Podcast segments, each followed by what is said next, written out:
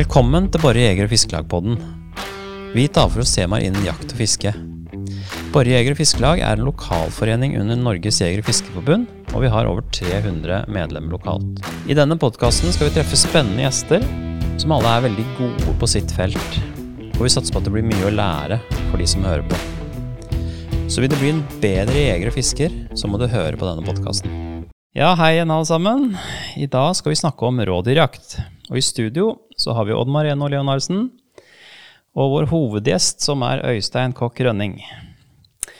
Øystein er fylkessekretær i Vestfold for Norges jeger- og fiskeforbund, og slik jeg har forstått, en meget ivrig jeger. Så Øystein, da foreslår jeg at du forteller kort om den jobben du gjør som fylkessekretær, og litt om din erfaring eh, med rådyrjakt, og hvilken type rådyrjakt du foretrekker. Ja. Hallo. Jeg eh, jobber egentlig mest med informasjon, føler jeg. Jeg jobber med informasjon fra forbundet ut til alle lokalforeningene i Vestfold. Og så jobber jeg med informasjon motsatt vei, med, ut fra lokalforeningene tilbake til forbundet. I tillegg så driver vi en del prosjekter. Sjøørretprosjekt, minkprosjekt og sånne ting. Og så gjennomfører vi en del aktiviteter i løpet av året. Eh, annet introjaktene. Jeg eh, begynte med bukkejakt ganske tidlig eh, etter at jeg ble jeger. Og det var bukkejakta som ble det store for meg. Så jeg har drevet med det i 30 år nå. Og syns at det er like spennende den dag i dag. Jeg gleder meg veldig mye til den 10. august hvert, hvert eneste år. Eh, Etter hvert eh, som jeg ble voksen, så har jeg også fått opp øynene for eh, vanlig rådyrjakt og rådyrjakt med bikkje. Så da dekker jo du det meste av det vi skal snakke om her i dag. Ikke noe tvil om det. Odda, er det bukkejakt som er din store forkjærlighet òg, eller? Ja, det har blitt det med åra. Så jeg begynte, jeg begynte å jakte på rådyr i 86. Eh, før det så jakta jeg jo i Afrika, for der bodde jeg jo når jeg var mindre. Og holdt på med det med hund i mange år, før jeg da i 2008 ble introdusert til bukkejakt. Og etter det så er det stort sett det som har vært hovedjakta mi på rådyr eh, hvert år. Men også mye hundejakt. Hundejakt også, ja. Ja. Mm. Ja. Det er det samme med meg. Jeg er ikke like dreven uh, bukkjeger som dere. Jakta en god del bukk, men uh, det er nok mest den ordinære rådyrjakta som jeg har holdt på mest med. Og i seinere tid så er det jo hunder. Jeg har jo to beagler og, som jeg har kommet mer i gang med nå i seinere tid, da. Da har jeg litt punkter som jeg tenkte vi kunne diskutere. Um, det første er jo dette med jakttid. Og um, her kan jeg begynne litt. Um, da har vi jo bukkejakt, som starter 10. august. Og dere må arrestere meg hvis jeg sier noe feil nå, gutta. Det er helt riktig. Og her er det jo kun rifle som gjelder. Det er jo ikke lov å bruke hagle, og heller ikke å bruke hund før 25. september, som er eh, oppstart for den ordinære rådyrjakta. Da kan man også bruke hund, og man kan velge om man vil bruke hagle eller rifle. Hva er eh, deres erfaring der? Har dere brukt mye hagle på rådyrjakt, f.eks.? Odd? Ja, jeg har uh, jakta en del med både hagle og rifle. Men eh, etter hvert som jeg var borti veldig mange episoder hvor jeg hadde med meg feil våpen, så kjøpte jeg en kombi. Sånn at jeg alltid, ikke på bukkejakta, men når det gjelder ordinære jakta, så har jeg alltid med meg både rifle og hagle. For det, hvis du står inne i for tett, en for tett post, så kan du regne med at eh, at, eh, eller, og hvis du har en rifle, da, så får du ikke skutt, rett og slett. Og det andre er at hvis du står med hagle alene, så kan du regne med at rådyret kommer på litt for lang avstand, så får du heller ikke skutt. Så det er et godt tips hvis du, hvis du skal Spesielt når du jakter eh, når du jakter og står på post, og, og hvis noen driver for deg, eller hvis du har en hund som driver uh, i terrenget. Mm. Mens på, mens på bukkejakta så er det rifle, og da er det, eh, da er det kikkerten som er det viktigste. At du har en, en kikkert som har ganske god lysåpning, sånn at du klarer å få Du klarer å se dyra og, og, i skumringa. For at er veldig ofte kommer bukken fram akkurat i skumringa. Ja, for det er et viktig poeng. Det har jeg opplevd mange ganger også, at det, de kommer ofte veldig seint. Så Øystein, har du uh, veldig lyssterk optikk når du jakter bukk? Eh, Jeg hadde mer lyssterk optikk før enn det jeg har nå, fordi jeg har eh, bestemt meg for å ikke skyte altfor seint på kvelden. Og det er fordi da kan du risikere å, å måtte leite etter et dyr som likevel som er dødt. Du må leite og leite inn i tett krattskog. Og det prøver jeg å unngå. Så da skyter jeg såpass tidlig at jeg ikke føler at jeg har det behovet for sånn voldsom optikk. Mm. Og det er klart uh, Mye av dette her det avhenger vel av hvor, uh, hvor godt kjent man er i terrenget også. Det er jo dere som er ivrige bukkjegere, jeg regner med dere har god kontroll på terrenget deres og bruker mye tid eh, før jakta og klargjør poster osv. Jo bedre kjent du er i terrenget, jo mindre tid bruker du der, egentlig. Fordi eh, rådyr er vanedyr, så de kommer på de samme stedene. Ja. Eh, de første åra var jeg veldig ivrig ute før jakta starta. Og leita etter dyr og, og gjorde meg kjent. Og det, det er jo en erfaring som man tar med seg seinere når man fortsetter å jakte i samme område. Og da trenger man ikke å være like ivrig i forkant. Nei, det- Men hvis man skal jakte i et nytt område igjen, så er det verdifullt å være ute i forkant og gjøre seg kjent. Mm. Men er det, er det da smygjakt du gjør mye, eller er det å sette seg på post? Jeg jakter mest fra post. Ja. Det er det mest effektive, men smygjakt er eh, helt klart det mest spennende. Mm. Hva med lokking? Bruker du mye lokk? Eh, Jeg bruker ikke mye lokk, men jeg bruker det i visse situasjoner, og det kan være veldig effektivt og veldig spennende. Mm. Um, og det er sikkert mange lyttere som lurer på da, litt rundt dette med lokking. Uh, Odd, er det, når du lokker, er det Buttolo du bruker, eller er det andre produkter som du kan anbefale? Jeg har brukt Bruttolo, og det funker, det. Eh, Jeg har, eh, jeg har hatt god suksess med det, faktisk. Og Men jeg har hatt mye bedre og mer effektiv lokking med fløyte. Og da har jeg kjøpt en som kjøpt fra Tyskland, fra en som heter Klaus Demmel. Eh, Som jeg har bestilt derfra. Som er lagd av et rådyrhorn. Det er sikkert ikke noe Jeg syns det er lett å lage bra lyd med den, og det funker stort sett alltid. Det er veldig sjelden jeg lokker og ikke det kommer en bok. Ja. Men man skal vel heller ikke lokke for mye på en plass? Begynn i hvert fall ikke å lokke i terrenget før jakta begynner. For det rådyra, min erfaring er at de lærer seg at den lyden her ikke er noe annet enn et fyr som står og prøver å lukke. Så da funker det ikke etterpå. Så i områder som folk har vært og trena mye, så går det ikke an å lukke. Det er min erfaring. Men uh, hvis du begynner da rundt 10. august, og du veit at du er i et område hvor det er, eh, er eh, en bok, så er sjansen veldig stor.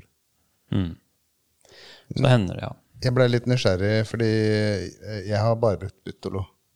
Eh, Når du lokker med fløyte, er det da sånn at du kan ha den i munnen uten å bruke hendene på den? Sånn at Ja. du har begge hendene fri? Det kan jeg. Ja, da er jo det en stor fordel. Og det er jo også sånn hvis jeg smyger, så er det jo Hvis jeg, hvis jeg da kommer borti og knekker en kvist, så pleier jeg å dra et pip. ja. På grunn av eh, at da vil jo mest sannsynlig dyre rådyrbukken høre meg. Eller geita, for den sakens skyld. Mens når jeg da drar et pip etterpå, så simulerer jeg at jeg da er et rådyr. Og da er det kanskje ikke like farlig. Mm. Smart. er det jo også det at eh, når man ser et, eh, en bukk eh, på litt avstand, så er det jo også en god anledning for å prøve lokken for å få nærmere hvis den er utenfor skuddhold. Det Om ikke annet så er det jo lurt å bruke den da.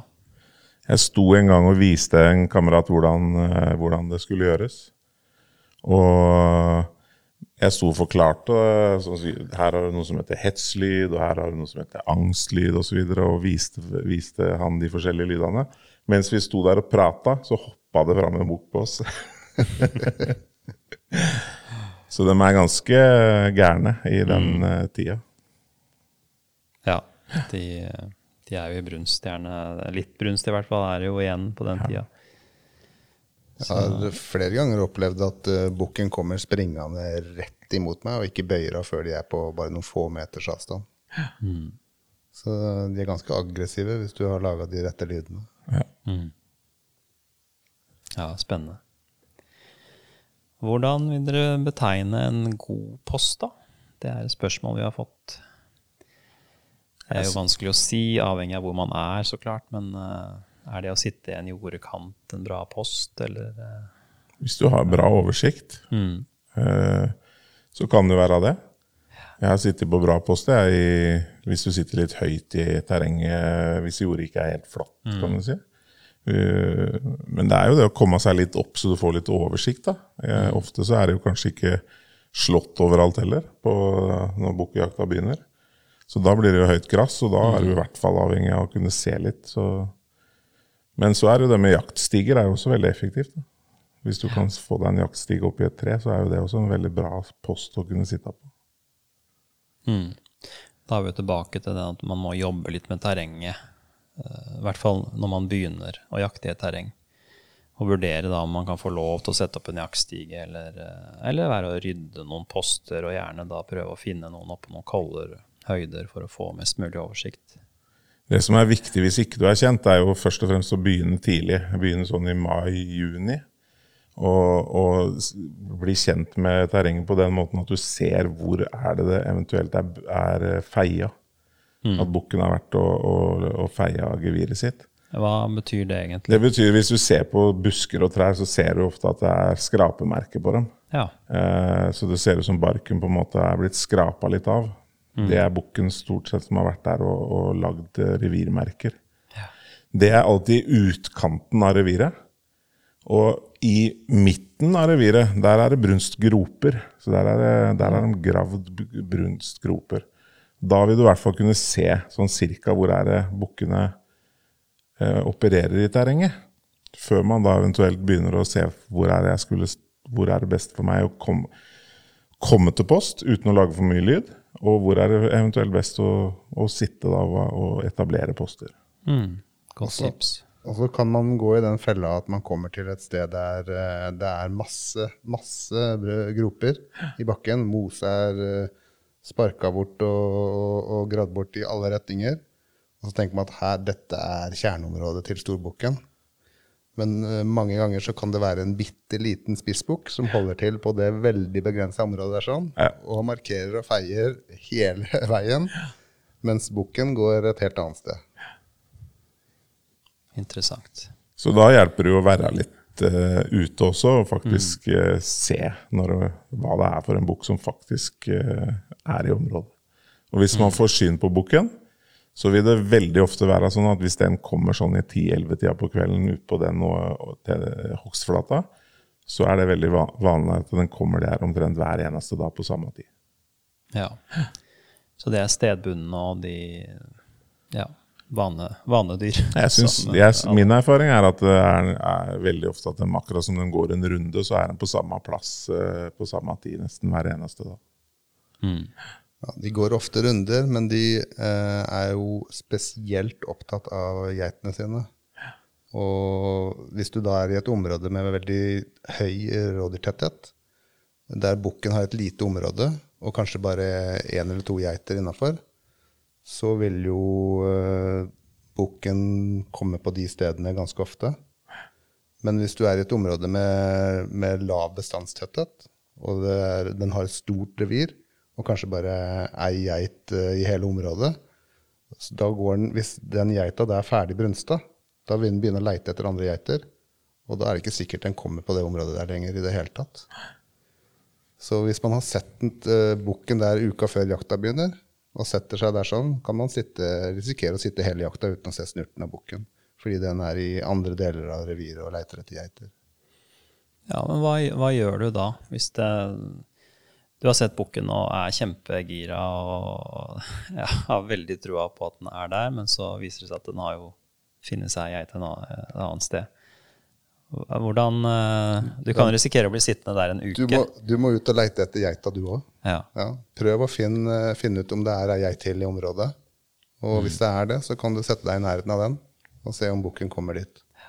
Så hvis man har satt seg på godposten, som man har spana på forhånd, og det ikke skjer noe i løpet av et par dager, er det da Burde man da utforske? Ja. Hvis, uh, brunsten, uh, hvis geita er ferdig brunsta i det området, da er det sjelden bukken kommer tilbake dit.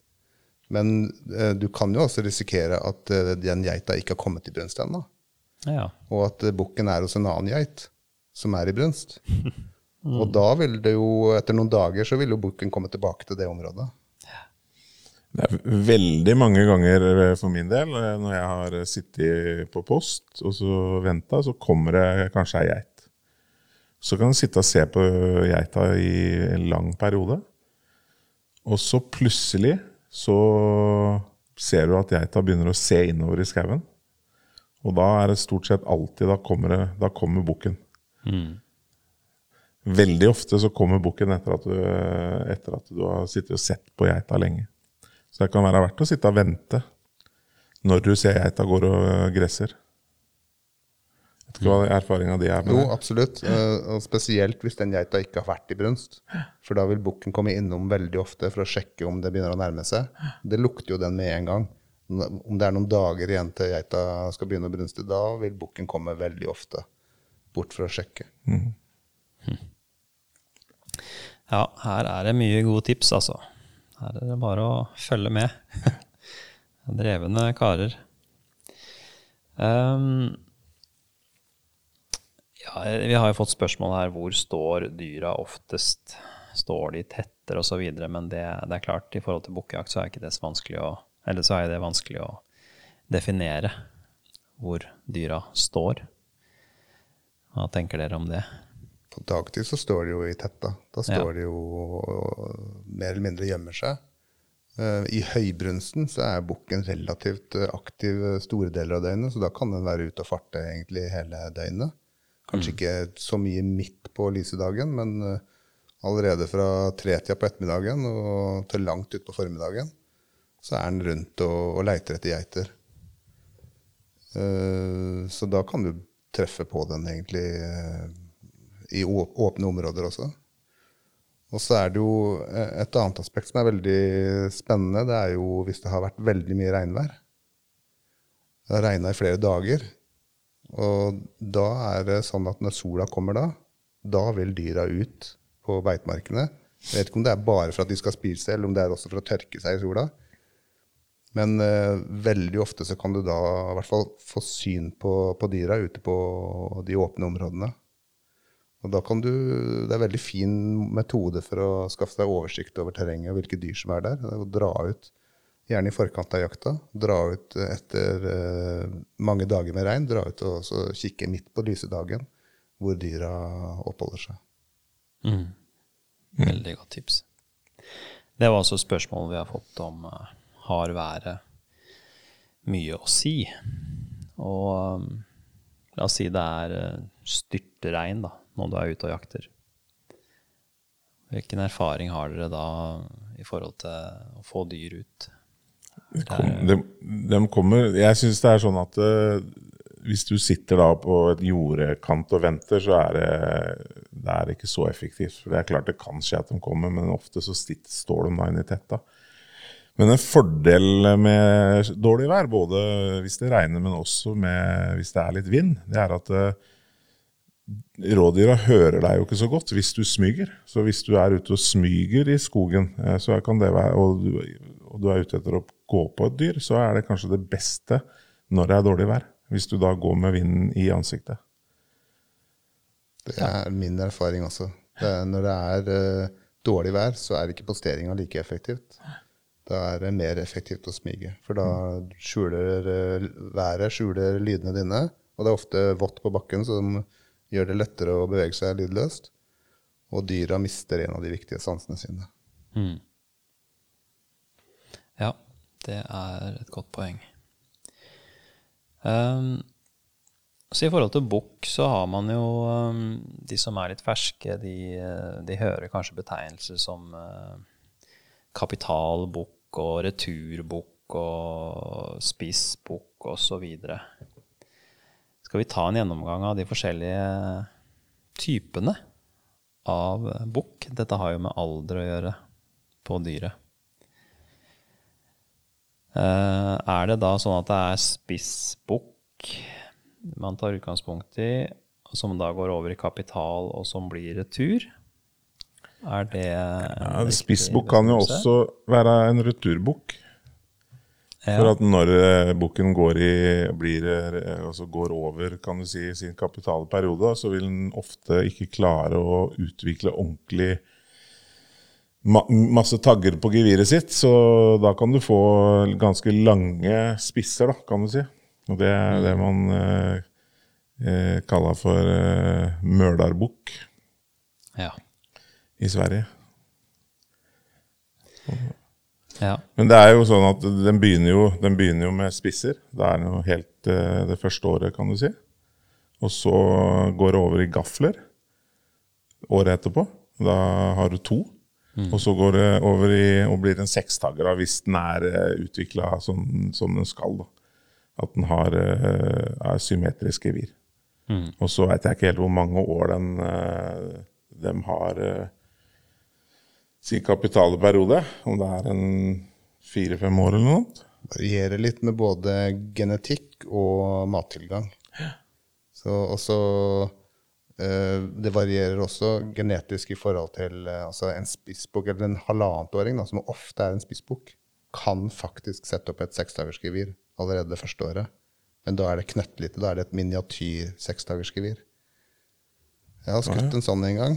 Den var helt, helt åpenbart en uh, halvannetåring, men med seks dager. Har den klart det? Ja. Ja, den, samme den er sjelden. To, toåringer kan også ha seks dager, men vil da ofte være en liten seksdager. Og så har du voksne dyr som aldri setter opp seks dager. Ja. Som er, eh, har kanskje fire dager på det meste. Mm. Så det varierer voldsomt, og det er jo også litt av spenninga med gevir. Det er så stor forskjell. Ja, og det er det som er eh, målet for mange, å få en stor seksdager.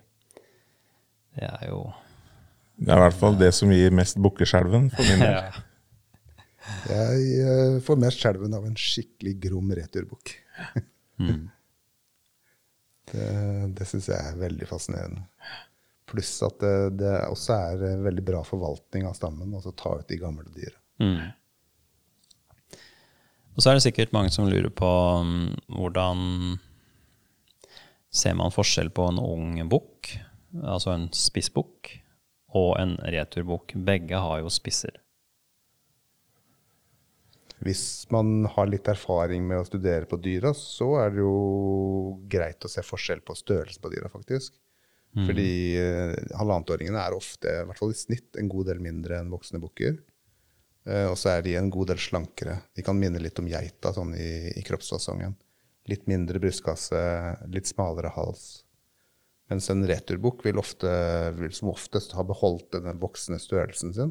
Kanskje gått ned noen kilo i vekt, men likevel ha det litt kraftige preget. Mm. Kraftig, Jeg syns det er lettest å se på nakken, egentlig. For den er ganske kraftig noen ganger mm. på bukker som har eh, vært med en stund. Mm. Men hva med selve um, geviret, da? Rosenkranser osv. De er vel større på en returbukk? Enn en, uh, et ungdyr? De vil som regel være det, ja. Mm. Men du kan, returbukkene kan gå så langt i retur at de bare får igjen 5-6 cm spisser. Såpass. Ja. Men de, men de vil likevel beholde litt av tykkelsen i bånd. Sånn at det, det er greit å skille de fra, Mm.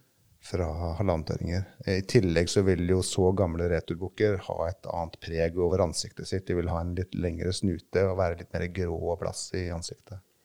Ja, for det var neste spørsmål. Hvordan kan en fersk jeger, en uerfaren person, da se andre tegn på dyret? Og det er jo, som du sier, da, i ansiktet. Um, det er ikke så mange som sjekker tenna, går jeg ut fra, men uh, kan dere si noe om uh, tannstillinga på en retur og en, en Ja, En. Returbukkene er jo veldig mye, mye slitt i tenna. Men det, Ja. det krever jo erfaring å kunne ja, Det er ikke for hvem som helst å se Nei da, men det finnes jo helt sikkert uh, instruksjon på det hvis man googler seg fram, eller på YouTube, uh, på, på hvordan man lærer seg å se forskjell i forhold til tenna. Men, men man må gjøre det noen ganger før man, eh, før man skjønner hva som er forskjellen. Mm. Og, det samme gjelder å se forskjell på dyret når du ser det ute. Så det er, det er veldig vanskelig å lese seg til. Jeg tror må, det, er, det er en erfaring, rett og slett. Du må ha sett en del dyr før, eh, før du kan begynne å, å ta det i hvert fall lett. Da. Ja, og det er jo sånn med alle typer hjortevilt, egentlig. Man må bare ut der og se, ja, og oppleve det.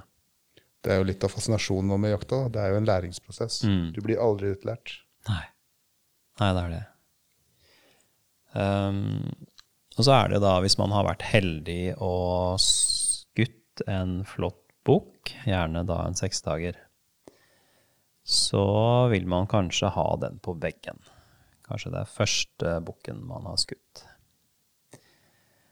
Hva gjør man da? Det spørs litt hva du vil eh, ha, da. For eh, hvis du vil ha en eh, utstoppa kan du si, bogmontasje, så må du jo begynne å tenke allerede før du tar av skinnet på dyret. For det er jo en spesiell måte å kutte det på for at det skal bli bra. Ja. Da kutter man ofte istedenfor å gå og legge snittet foran i halsen, så legger man det bak i nakken.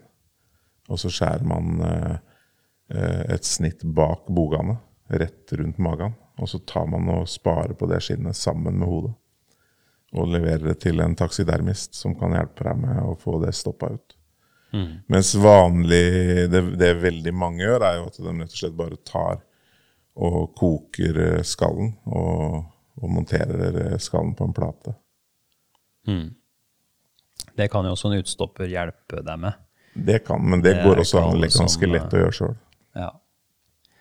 Men så er det jo da dette med å bleike en skalle. Der må man jo gjerne ha tak i noe hydrogenperoksid og litt kjemikalier. Så, så det er jo opp til hver og en om man vil gjøre det sjøl, eller om man vil få hjelp. Og det her, eh, Når vi snakker om vår forening her i Horten og Borre, så, så er det jo i hvert fall én utstopper som man kan kontakte her. Han kan vi jo reklamere for. Han heter Olav Nordhus. Så da er det Han er flink. Ehm, Du da, Øystein, når du skyter en bra bukk, fikser du skallen på plate sjøl, eller? Ja, jeg har eh, alle bukkene mine på gevirplate. Ja. Ingen utstoppa. Og jeg gjør alt fra A til Å. Mm. Kutter du skallen, eller tar hun, eh, tar hun hel? Jeg begynte med å kutte skallen, og da har det blitt at det, det er sånn det gjøres ja. hver gang. Så alt ser likt ut. Ja. Og så er et spørsmål da, når man Vi snakker om å kutte skallen. Dette er ikke så lett å illustrere på en podkast, men um, man kan jo velge å ikke kutte. Da står man jo igjen med hele øvre del av hodet, med tenner og alt igjen der. Så jeg har hørt noen sier at eh, hvis du tror du har en medaljebukk, så kan det kanskje føre til at du Det skal jo ikke gjøre det, men at man får litt mer vekt, da. Det stemmer nok ikke, fordi Nei. eh, de bedømmes etter to veldig forskjellige metoder. Ja. Om den er en hel skalle, eller om den er avkappa. Og gevirdommerne skal også være strenge på at uh, gevir er kappa riktig. Så hvis ikke det er kappa riktig, så får man trekk. Men hvis du ikke har kappa det helt tatt, det er greit, det òg? Hva da? Hvis ikke du kapper skallen når du leverer den inn til bedømming. Ja, ja, da, blir bare blir den bedømt. bedømt på en Ja. annen måte. Ok, ja. Og i Borreger Fiskelag så har vi jo faktisk en eh, gevirdommer også. Det har vi, vet du. ja, det, han var her forrige, forrige episode, og det er Christian Wert. Jeg har notert meg klær og utstyr. Uh, sist så snakka jo vi om villsvin her, og da var det veldig viktig å ha på lydløse klær. Det er jo det samme som gjelder på bukkejakt og rådyrjakt, går jeg ut fra. Hvis, hvis du går på bukk, så er det viktig å ha god kamuflasje. Gjerne, gjerne ha på seg en sånn løvkamodrakt. Passe på at ikke du har på deg hansker, sånn at ikke hendene dine lyser opp. Ha på deg en ansiktsmaske, noe på hodet. Bevege seg veldig forsiktig. Ikke, og dette her er jo også ikke ha masse lyd på de klærne som er eventuelt under den her løvkamoen. Eh, men det er jo noe helt annet igjen da når du driver med hundejakt og, og sånn på, på høsten. Da er ikke det like viktig. Nei. Kamo, Øystein, er det også din, eh, Jeg er ikke, ditt forslag, eller? jeg er ikke så opptatt av det når jeg jakter på rådyr. De har så dårlig syn at eh, det de reagerer på, er bevegelse. Mm. Så det er mer opp til deg å være så stille som mulig, både på post og under smyging. smiging. Mer enn hvilke type klær. Det, Mm. det jeg prøver å unngå, er kontrast, store kontraster. Altså sånn type veldig hvitt eller veldig gult eller veldig svart. eh. Men Noe alle- på hender og noe som skjuler ansiktet? Jeg prøver ansiktet å dekke ansiktet og hendene, men det er mer for myggen. eh, enn- Ja. Skjønner. Um, som en fersk jeger, da. Jeg er jo den som representerer det her nå. Um, hva, hva er det jeg skal um, tenke spesielt på da, hvis jeg skal ut på min første rådyrjakt? Uh, hva er liksom den, nesten den viktigste tingen? Er det en håndkikkert, eller uh, Ja, eller er det myggolje? hva, hva, Ja, er, tenk, er jo- Tenker du da bukkejakt, eller tenker du Nå, det blir jo egentlig generelt da, både ordinær eh, rådyrjakt og bukkejakt. Ja, det er et vanskelig spørsmål, fordi man, man vet jo ikke hva som er forkunnskapene til Nei, om han har jakta andre ting før, eller Mm. Men det vi, har, det vi har definert her nå, er jo det at eh, det er ikke så viktig med klær, egentlig. Altså, du trenger ikke full uh, ghillie-suit eh, kamo for å jakte mann. Jeg, jeg foretrekker å ha det. Jeg føler, og det kan, jeg er nok enig med Øystein om at det sikkert ikke er så viktig, men for meg så føles det bedre å være så usynlig som mulig. Og spesielt også det der med i hvert fall hansker. For jeg- henda lyser opp litt, og minste bevegelse, det, det er jo det de ser. De ser bare bevegelse. Du kan stå foran en bukk. Jeg har stått foran en bukk på et jorde på 30 meter i shorts og T-skjorte. Bare stått helt stille. Og den har bare kikka på meg, og så bare fortsatt å gresse. Men hvis jeg hadde rørt en arm, så ville den jo sett meg med en gang. Så det er, det er om å gjøre bare for å prøve å få bli kvitt alle disse tinga som lyser opp, som er derfor jeg har på meg dette.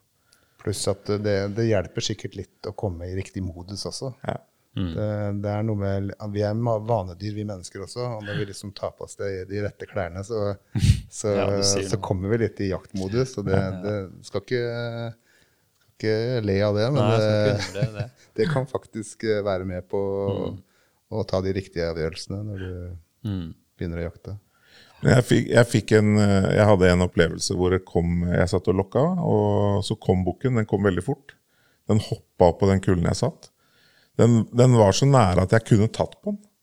Og så stoppa han 1,5 meter, for da var det et eller annet han merka.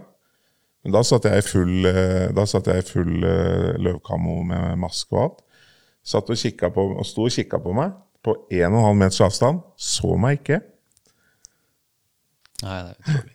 En, en annen ting som er morsomt med, med kamuflering, det er jo at du får, det er jo andre dyr og fugler som ser bedre enn rådyra. Mm. Du får jo mye mer med deg av de dyra hvis du sitter fullt kamuflert inni en busk. Sånn som ene gangen jeg satt eh, på bukkejakt, og det kom ei rødstrupe og satte seg på geværpipa mi og satt der og sang. En annen gang så satte det seg et svarttrost på kneet mitt. Det er jo veldig morsomme opplevelser. da. Og det, det hadde ikke skjedd hvis jeg hadde sittet i de vanlige klærne og litt mer åpent. Nei. Nei, ikke sant. Men da, det jeg prøvde å eh, komme til stad, det var jo da andre, annet utstyr enn klær. Eh, Jeg, jeg har jo alltid med en håndkikkert, f.eks. Eh, hvordan gjør dere det? Bruker dere håndkikkerter, eller er- bruker, ser dere bare gjennom kikkerten på børsa, eller Jeg bruker håndkikkert ekstremt mye. vil jeg si. Ja. Det gjør jeg jo. Mm. Og der vil jeg si at det er viktig med en god kikkert. ja. En som har bra optikk. Eh, sånn at du kan skru deg liksom innover i terrenget. Mm. På, jeg vet ikke om, jeg, for, om, om man skjønner hva det betyr, men det, den er så presis at du kan liksom skru skarpheten, fokuset, et stykke innover. Det syns jeg er ekstremt nyttig. Så en god kikkert med god optikk, det, det er det beste verktøyet jeg har når det gjelder jakt. Mm. Ja, jeg er helt enig. Jeg vil si at det er viktigere å ha en god håndkikkert enn en god kikkert, faktisk. ja, så dere er ikke opptatt av at det skal være en superbra, lyssterk eh, kikkert på børsa? Ikke til rådyrjakt. Mye mer på hjort og villsvin. Da, da er det mer viktig å ha bra optikk på børsa. Mm. Ja. Mens jeg er litt annen oppfatning. Jeg mener det er bra Jeg mener det er veldig viktig på rådyrjakt òg. Min erfaring er at bukken kommer ut veldig seint. Og jeg, har, jeg skjønner hva du mener med, Øystein, med det at uh, du ikke vil leite. For det, det, ofte blir det jo sånn at de springer noen meter, eller kanskje 10-20-30 meter. Og hvis ikke du har med deg en, en, en hund da, som er god til å finne dyret, så får du et kjempeproblem. Nå har jeg vært så heldig at jeg har hatt en hund som har vært godkjent eh, ettersøkshund. Så det har aldri vært noe problem for meg å finne dyret. Så jeg har skutt fram til jeg ikke kan skyte lenger. Og, derfor, eh, og da har den kikkerten gjort at jeg har hatt mye større suksess enn hva jeg hadde hatt ellers. Ja. Hva med mm, tofot, trefot? Bruker dere det? Jeg bruker alltid tofot, med, både når jeg posterer og når jeg smyger. Mm. Jeg òg. Men jeg lager det sjøl. Ja. To uh, tynne pinner med en skrue i toppen. Funker kjempebra. Mm. ja, man trenger ikke å kjøpe seg en eh, tofot eller trefot ja, kanskje flere tusen kroner. Nei, men det er en enorm forskjell å skyte fra stokk eller å skyte med frihånd. Ja. Ja, og særlig hvis man smyger mye, så er det klart eh, en eh, tofot eller trefot av det gir deg jo en veldig hjelp. Det er ikke alltid du kan få støtte. Om du står midt ute i et åpent lende, f.eks., og får en mulighet.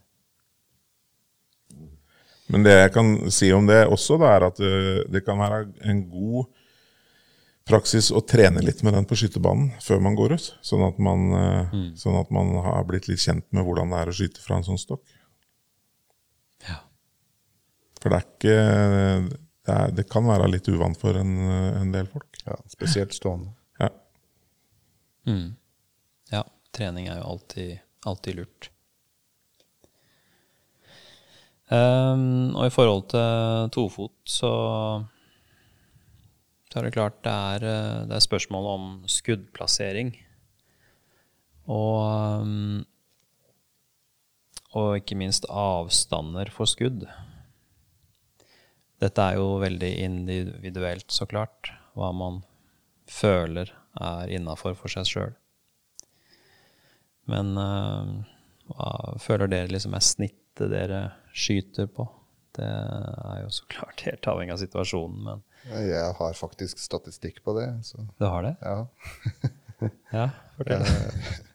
Jeg har, eh, har skrevet, skrevet ned alle dyra som er skutt. Både Ja. sittende og stående. Og, eh, og da er snittet på rådyr for meg er eh, noen og 70 meter.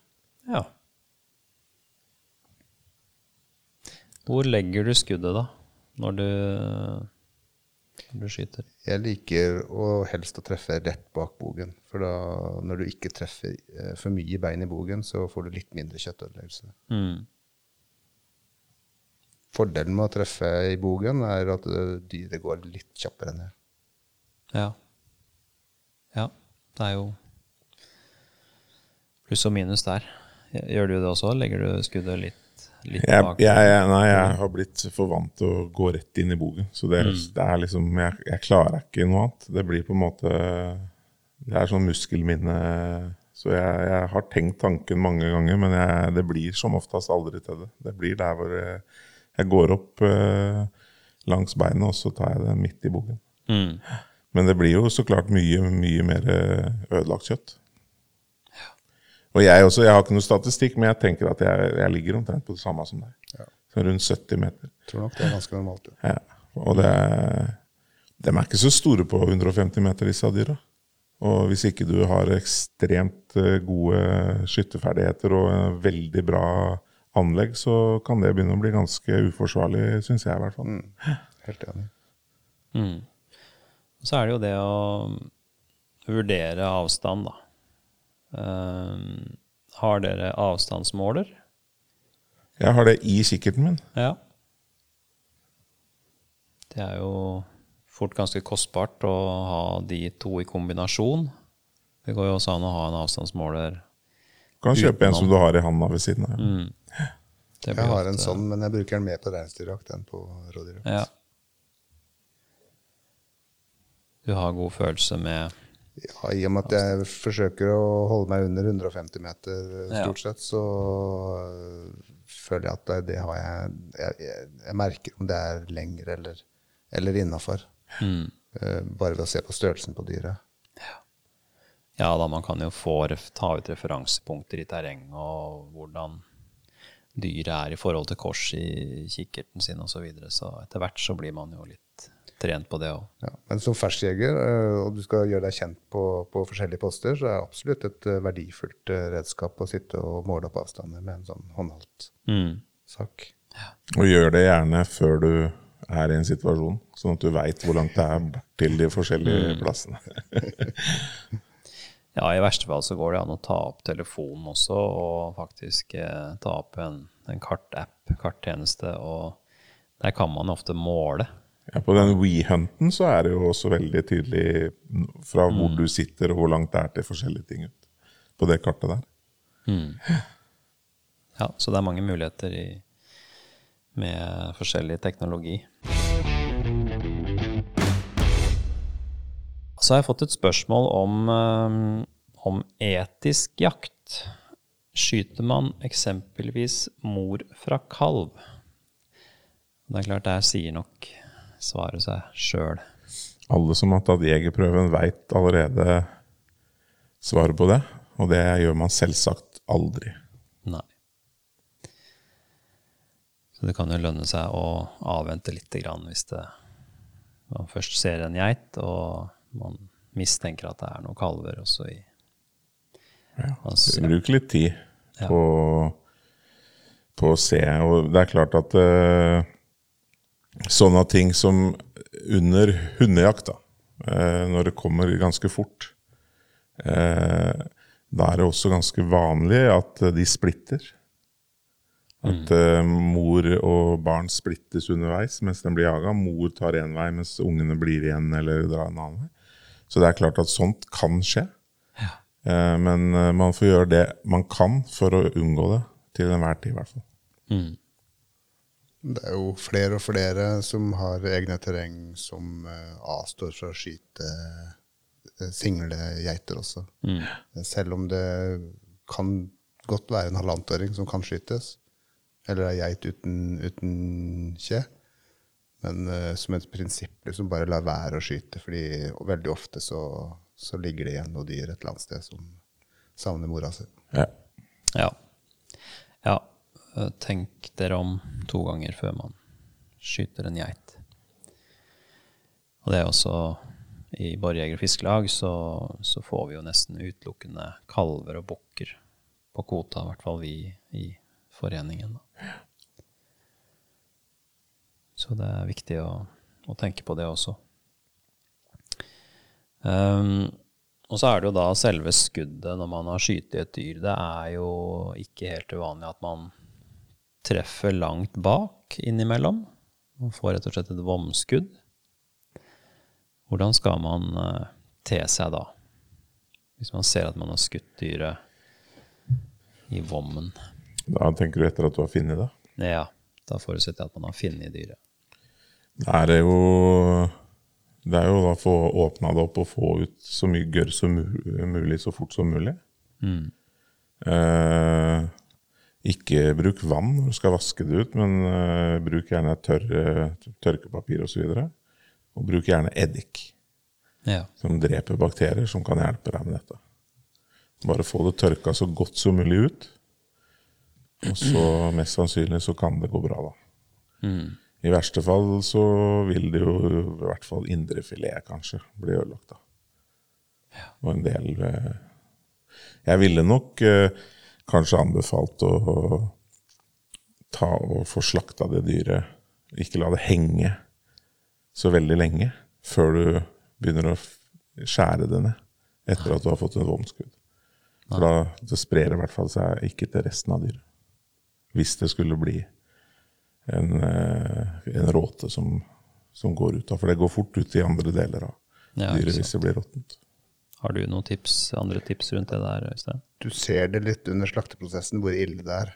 Altså, mm. hvis, det, hvis, det, bare er lite grann, så kan du redde alt, egentlig, ved å bare gjøre som uh, Odd sa. At du tar, uh, du tar og får ut det som er der, og så tørker du med, med tørt papir og, og bruker eventuelt eddik etterpå.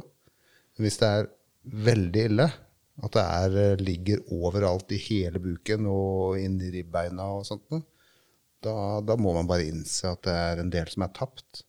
Og hvis man da gjør som, som Odd sa, og så, og så, skjærer ned dyret kjapt, så redder man i hvert fall alt det som ikke har vært i berøring med, mm. med vommen. Men så får man bare heller kaste ribbeina og, og eventuelt indrefiletene. Men da er det sikkert mange som lurer på si, eddik. Skal man bare gå i butikken og kjøpe seg en flaske med 35 eddik, eller hva? hva Balsamico-eddik er best. Hva Nei da. Det? det var en spøk. Helt vanlig eddik. ja. Så blande det kan gjerne Tynner den ikke ut, eller? Jo, kan gjerne blande med litt vann på mm. ei sprayflaske. Og så sprute det inn i, og så tørker Men uh, setter ikke det smak? Da er det sikkert mange som lurer på. Jeg har ikke noe erfaring med at det setter smak. Mindre smak enn det enn det en Vomma hadde gjort. ikke sant. Min erfaring også er at den, eh, den ikke setter smak, at det forsvinner. Det fordamper bort, på en måte. Ja, for det er klart, det er jo mange skrekk, da. Å få et vomskudd, og, og særlig når man er litt fersk, hva i all verden gjør man da? Men da har vi jo fått en, eh, en oppskrift på det. Man, eh, man, trenger ikke å kassere dyret. Det er ofte mulig å redde det. Som bare følger visse, mm. ja, visse retningslinjer. Um, og så er det jo da, når man har skutt et uh, riktig skudd, et bogskudd, da skal man jo ta ut av dyret gjerne, og mange gjør det ute i skogen. Og så er det jo da å få det hjem. Og da er jo også spørsmålet rundt, eh, rundt modning. Eh, da må man jo henge opp dyret, og mm, det er jo litt forskjellige preferanser her. Noen tar av frakken, altså pelsen, og andre ikke ikke. De lar den henge med, med pelsen på. Skinnet på. Gjør du det, Øystein? Jeg tar av pelsen. Ja. ja. Det er fordi jeg syns litt for ofte at jeg opplever at det ligger blodrester sånn under, uh, under, pelsen i litt større områder som man ikke var klar over før man tar av uh, ja. pelsen. Og hvis man får fjerna det med en gang, så redder man mer av kjøttet. Mm. Ja, det er et godt poeng, da. Mange mener jo at når man tar av pelsen, så vil jo dyret tørke i større grad, og ja, at man rett og slett kan miste litt kjøtt på det, da. At man må skjære vekk mer, jeg syns det er mer delikat Mm. når er for tørka tørre, tørre hinner. Mm.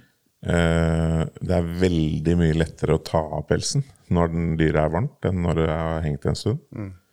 Det er også et godt poeng. Det har jo hendt at jeg har uh, latt pelsen være på, men det har mest vært fordi at jeg skal transportere det med meg en eller annen plass, og ikke ønsker å, å legge kjøttet rett ned i bilen, f.eks. Ja. Man må jo tenke seg litt om i hvilken situasjon man er i, og hvor- hvilken mulighet man har når man kommer hjem med dyret. Hva er deres eh, bruksområder da, for kjøttet? Hva, har dere noen tips der i forhold til tillaging av maten og hvilke deler som eh, er best, osv.? Ja, jeg har etter hvert blitt veldig opptatt av å finpartere. Altså, før så lagde vi stort sett rådyrstek av, eh, av låra. Mm. Hvis du finparterer låra så du får ut alle de små biffstykkene, altså flatbiffen og rundbiffen og, og bankebiffen og lårtunga, og så er det mye enklere å tilberede. Og da kan man tilberede til færre personer. Og hvis man likevel skal være mange, så kan man bruke alle stykkene hver for seg og, lage uh, små steker av alt sammen. Ja. Syns det blir veldig delikat. Mm. Du nevnte jo det også i forrige episode, Odd, at eh, du likte å stykke dyret ned i, Ja, i jeg har akkurat samme oppfatning. Ja. Jeg har også starta og hadde alltid et par lår og en hel rygg og litt sånn liggende i frysa. Så måtte du ha 17 stykker på middag hver gang hvis du skulle Mm. klare å fortære det. Så det blei etter hvert sånn. Så jeg skjærer alt helt ned. Til hver eneste muskel. Og Ja, Ja. Så da tar det mindre plass i frysa. ikke sant. Så det er tipset til alle lyttere, at det kan være lurt å skjære ned litt mindre stykker. mm. Og for min del så er det jo Det er jo ytrefileten, da, som er liksom det helt store for meg, i hvert fall. På rådyret. Ja, det er jo ikke noe tvil om det. Nei. Det er den beste bettaen. Men når du får skjært ned, når du får skjært ned låret, så er jo flatbiffen og bankebiffen eh, ekstremt godt, det òg. Ja. Ja. Det er veldig lite på rådyret som ikke går å spise, for å si det sånn. Mm. Og så er det jo ikke så veldig mye kjøtt på dem heller. Det er jo ikke det. Jeg har en tendens til å la kanskje ribbeina, det som er mellom ribbeina, det er ikke alltid jeg tar med meg. Nei. Nei, de kan jo være ganske magre. I hvert fall bukk og ja. Det er ikke alltid så mye å hente der. Pleier du å reinskjære veldig Eh, det, på små, og magre dyr så, som har hengt og blitt tørt, så er det ikke særlig delikat det som er eh, mellom ribbeina. Det, det er ikke mye du går glipp av der. Altså. Nei. Ok, da har vi vært igjennom uh, mye, altså. Uh, avslutter med litt grann om uh, jakt med hund. Hva skal vi si om det, Odd? Nei, det er, Først og fremst så skal man jo ha en hund, da. Og den skal jo ha maks 41 cm opp til skulder, skuldrene for å få lov til å jakte rådyr med den. Ja. Og så må det jo være en hund som, eh, som går på rådyr. Mm. Eh, hvis man har de to tinga der, eller det, hvis man har en sånn hund, så er det veldig spennende type jakt. Mm. Når man da posterer Der har jeg ganske god erfaring med å ha jakta aleine, faktisk. Det er eh, Da får man mye større sjanse for at eh, rådyra turer, som det heter. At de kommer tilbake i samme eh, ring som de har gått hele tida, for de har kontroll på hunden. Eh, men det er også veldig effektivt hvis man poster ut og setter folk på strategiske overganger etc. Og lar hunden gå. Eh, og sitte på post og vente på at dyret kommer, rett og slett. Mm. Det er viktig det du sa da med hunderaser som eh, ikke er over eh, 40 cm mankehøyde. Og da er vi jo, har vi jo raser opp til beagle størrelse. Ja. Det er vel er det, ja. drever, dags, basset, beagle er vel dem som er mest eh, brukt på rådyr. Og sikkert også kanskje noen terrier og sånn. Men dette, de rasene jeg nevnte nå, de har en tendens til å gå litt lengre etter dyra og ikke støte, mens en del av disse jaktterriere og, og, sånn har en tendens til å støte og gå fort tilbake igjen. Det er i hvert fall min erfaring. Mm. Men det er klart det finnes sikkert uh, unntak der òg.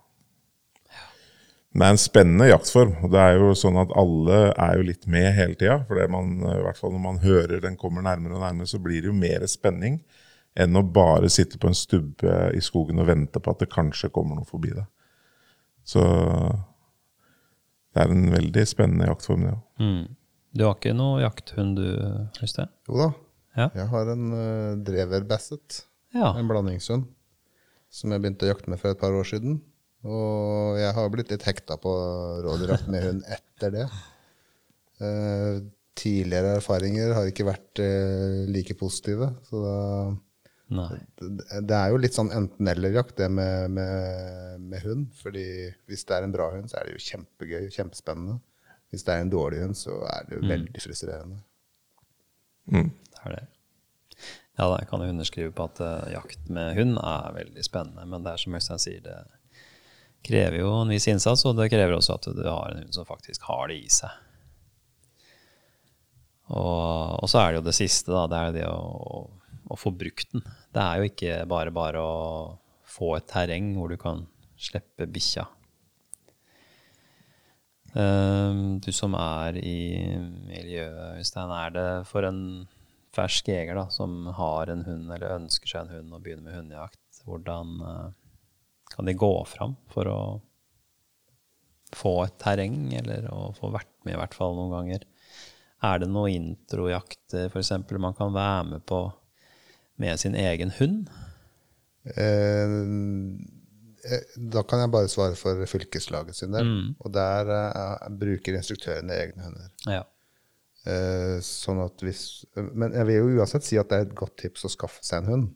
Fordi hvis man har en hund, så er det eh, lettere å bli bedt med på jakt enn hvis man Ja. ikke har en hund. Mm, godt tips. Men så har du jo selvfølgelig det at den hunden skal jo brukes for å bli god.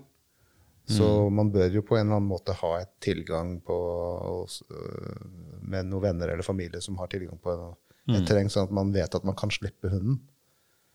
Det er viktig at hunden får, øh, får trent seg opp. Ja.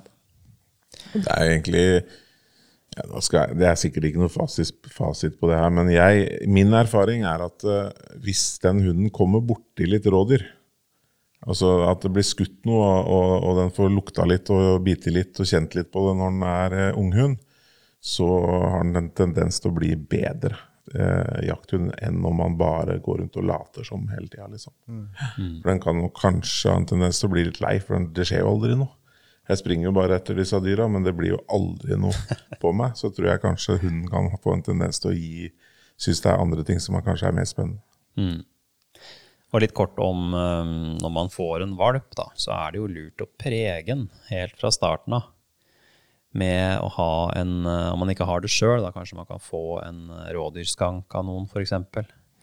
Dra rundt i hagen, leke med valpen. Uh, jeg for min del har jo vært ivrig med blodspor. Og da har vi jo dratt denne rådyrskanken etter oss, og med litt blod på. Og rett og slett prega det inn. Og selv om man ikke har noe terreng, så kan man jo kanskje komme på noen fall. eh, enten sitt eget eller andres. Få hunden fram på det. Bare for å få disse luktene inn i nesa. Og man kan spore i line. eh, for å trigge interessen. Og da ser man jo ofte det når hunden gror til, at den, den vil følge, og den, etter hvert så går den i los gjerne. og da, da er det i hvert fall gode tegn da, på at det er noe på gang her. Hvis man da i tillegg kan uh, få sluppet den litt i, sammen med noen som har et terreng, eller at man er så heldig å få det sjøl, så da er man jo godt i gang. Og jeg vil jo si det at eh, ja, det er kjempebra og kjempegøy å ha en hund som kan jakte rådyr. Men for min del så har det vært enda viktigere å ha en hund som faktisk kan gå ettersøk. Og finne dyra som du har eh, som, For dem trenger ikke springe langt uh, før dem eventuelt uh, springer og gjemmer seg inn under en granakvist. Og da er det ekstremt, i hvert fall på sommerhalvåret og før snøen kommer, det er ekstremt vanskelig å finne den noen ganger. Altså. Uten å ha en hund. Ja, jeg sier meg helt enig. Og, og det er jo også så Hvis man skaffer seg den type hund for den type jakt, så er det nesten litt rart om man ikke prøver også å få den godkjent som ettersøkshund. Mm. Og da er det jo viktig å starte tidlig, egentlig. Og det er jo en stor fordel eh, egentlig i forhold til jakta også, å få starta ettersøk og, og blodspor eh, tidlig. Og hvorfor ikke gå et kurs? Mm. Eh, da treffer man også andre personer i samme situasjon og likesinna. Og kanskje de har tilgang på terreng. Kanskje du kan få være med. Absolutt. Er ofte det som skal til. Være litt eh, aktiv i de miljøene hvor det vanker folk som jakter. Så har man en tendens til å kunne bli bedt med. Hvis man er en normalt hyggelig figur. ja. Og det er jo sånn at uh, vi representerer jo et uh, lokallag i Norges Jeger- og Fiskerforbund, og der har vi jo instruktører og, som også er villige til å holde kurs i uh, ettersøk. Og så hvis man ikke er medlem av Borrejeger Fiskelag eller tilsvarende lag, så, så er, kan det være veien å gå, både for å komme inn i et miljø og ja, for å få tatt kurser og mm. lære nye ting, treffe nye mennesker. Så med det så tror jeg kanskje vi runder av. Vært igjennom uh, veldig mye. Fått masse gode tips. Så ja, da tror jeg vi bare sier eh, over og ut for denne gangen. Og skittjakt. Ja, og skittjakt, så er vi jo i hvert fall sterkt tilbake etter ferien. Vi må se om vi får til noe mer nå før vi tar sommerferie, men uh, vi kommer tilbake. Så over og ut, og takk for nå. Takk for nå. Takk for nå.